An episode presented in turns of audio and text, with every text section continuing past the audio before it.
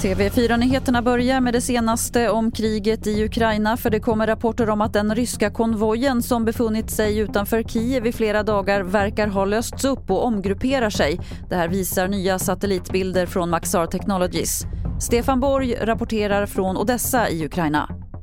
Ja, till att börja med den här konvojen, från ett militärt perspektiv är det svårt att förstå överhuvudtaget att den blev flera mil lång och flera fordon i bredd. Så gör man ju inte. Då är man ju extremt sårbar och har ju blivit angripna också. Det kan ju bero på att man har brist på, på bränsle eller underhåll eller någonting sånt. Nu har man uppenbarligen då reorganiserat åtminstone delar av den här styrkan eh, och så, så, att de möjligen då kan, kan attackera Kiev med dem.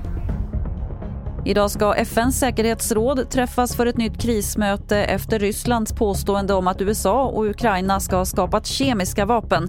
USA menar att påståendet är skrattretande och i en video som släpptes i natt förnekade även Ukrainas president Volodymyr Zelensky uppgifterna. Intresset för att gå med i en svensk frivillig organisation har ökat enormt efter att kriget bröt ut i Ukraina.